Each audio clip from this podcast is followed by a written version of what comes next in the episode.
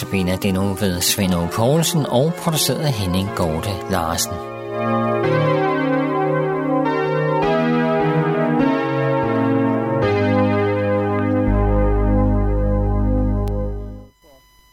I går sluttede vi der, hvor de to Emmausvandrere har spist sammen med Jesus, uden at vide, at det var ham. De havde udførligt fortalt ham om de sidste tre dages hændelser i Jerusalem, hændelserne med ham, rabbien Jesus, der var blevet korsfæstet og begravet, men nu her er nogle hævdet at være blevet levende. Sikke noget vrøvl. Men i forbindelse med måltidet brød deres gæst brødet, velsignede det, gav dem det, og der åbnede deres øjne, og de genkendte hovedpersonen i deres beretning om hændelserne, Jesus. I forbindelse med, at de delte nadvånd med ham, kunne de genkende ham. Han blev så usynlig for dem, står der. Det står ganske udramatisk. Jesus blev usynlig for den. Jamen, jamen, sådan noget sker jo altså heller ikke, for man kan da ikke sådan bare blive usynlig.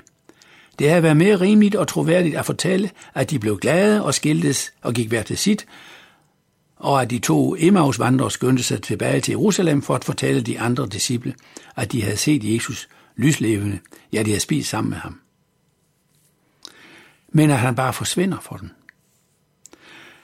Beretningen fortsætter med at være højst overraskende, ja utroværdig, for da de to er kommet tilbage til Jerusalem til de andre disciple, der hører de her snakken om, at Jesus virkelig skulle være blevet levende. Ja, han var blevet set af Simon. Øh, og så fortæller de to, at de også havde set Jesus. I Lukas 24, vers 36 år fremad, har vi en beretning om det. Mens de taler om dette, stod han midt i blandt dem, og han sagde til dem, fred være med jer. De blev bange og forfærdet og troede, det var en ånd, de så. Men han sagde til dem, hvorfor er I rystede, og hvorfor kommer der tvivl i jeres hjerte? Se på mine hænder og fødder, det er mig. Føl på mig og se. En ånd har ikke kød og knogler, som I ser, jeg har. Da han havde sagt det, viste han dem sine hænder og fødder. Og da de er bare glædes, der ikke kunne tro, men undrede sig, spurgte han dem, har I noget at spise her? De gav ham et stykke stegt fisk, og det tog han og spiste, men de så det. Så sagde han til dem, dette er, hvad jeg sagde til jer, mens jeg endnu var hos jer. Alt det må opfyldes, som der står skrevet om mig i Moseloven, hos profeterne og i salmerne. Der åbnede han deres sind, så de kunne forstå skrifterne. Og han sagde til dem, således står der skrevet, Kristus skal lide og opstå fra de døde på den tredje dag. Og i hans navn skal der prædikes omvendelse til søndernes forladelse for alle folkeslag. I skal begynde i Jerusalem, og I skal være vidner om alt dette. Og se, jeg sender det, min far har lovet jer, men bliv i byen, indtil I bliver iført kraft fra det høje. Se, mens de to Emmaus-vandrere forpuster i gang med deres forklaring, så pludselig er Jesus der igen, trådt ud af ingenting, trådt tilbage i, synlig, i, i synlighed fra usynlighed. Det er da løgn. Det er umuligt, det der sker her. Man forstår så godt, at de tilstedeværende bliver skræmte. Ja, det måtte der være en ånd, der lignede Jesus, som de nu ud af intet havde foran sig. Umuligt. Sådan noget sker ikke. Det må være endnu en af de vers, som liberale teologer og præster forbigår i tavshed, for ikke yderligere at belaste evangeliets troværdighed. Men dette vers skal der bestemt også fortælles. For nej, hvor er det trostyrkende. Sådan må det virkelig være sket.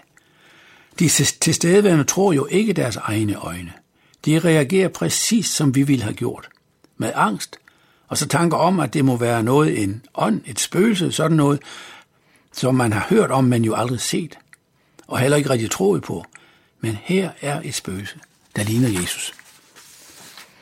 Og ganske hverdagsagtigt, så siger spøgelset, Shalom, hverdagshilsen i Israel. Jeg tror, at Jesus har haft et lille smil i øjenkrogen over deres angst og deres mistillid til deres egne sanser. De reagerer helt, som man kunne forvente. Det, der vel i første omgang skræbte disciplene, var, at Jesus stiger ud af intetheden. Det kan man da ikke, medmindre der er mere mellem himmel og jord end det, der omgiver mig. Det, jeg kan se og føle med mine sanser, og at der er mere end de tre dimensioner, jeg kender og som giver os rumopfattelsen. Og så den fjerde dimension, tiden, der er ikke rigtig til at få hold på, den løber jo uafbrudt. Men er der flere dimensioner, som vi ikke har tilgang til? Det antyder skriften her. Ja, det antyder skriften flere steder. Og et af de mere kendte er lignelsen om den rige mand og Lazarus, som Jesus fortæller, hvor den rige mand fra dødsriget ser Lazarus i Abrahams skød. Så kunne forklaringen på Jesu fremtræden her være, at Jesus nu efter sin død og med sit opstandelseslæme nu også træde ind i disse andre dimensioner, vi ikke kan vide om. Men det er bestemt en mulighed.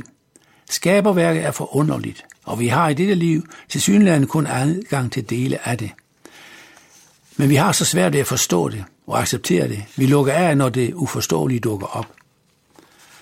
Og det er så det, Jesus bebrejder disciplene og siger, Hej, det er mig, luk dog øjnene op og se, kig på mine hænder og fødder, føl på mig. Det kan man jo ikke på et spøgelse. Disciplene står stadig afventende. De tror stadig ikke på det, de ser, præcis som vi formentlig ville have gjort det. De er så menneskelige, de disciple. Her er ikke noget særligt ophøj over dem. Nej, de er ligesom mennesker flest. De er ikke sværmere og drømmere. Nej, en flok håndværkere og fiskere, der ikke lader sig noget binde på ærmet. I det spørgsmål lige så dygtige som vores deres liberale teologer. Og så går Jesus videre i sin præsentation af sig selv. Han spørger om noget at spise, så de kan se, at spøgelset foran dem også kan spise. Han får et stykke stegt fisk, som han spiser, mens de undrende ser på, og så forklarer han dem. Det var det, jeg fortalte jer, da jeg gik sammen med jer før min henrettelse. Alt det, som er profeteret om mig i hele skriften, den derværende Bibel, det skulle jo opfyldes, og det er det, det er sket nu. Der gav de efter og accepterede, at han var den opstandende Kristus. Opstået, som profeterede, tre dage efter sin død. Helt lægemligt, umuligt, uforståeligt, men det er fakta, som ingen kan pille ved. Sådan skete det. Mennesket i sig selv vil meget skeptisk nægte, at det er sket. Men I disciple er i en anden situation nu, siger Jesus. I har set mig lys levende opstanden. I har set, at jeg har overvundet døden. Fortæl det vidt og bredt, så mennesker kan indse, at jeg er Kristus, den levende, den længe ventede.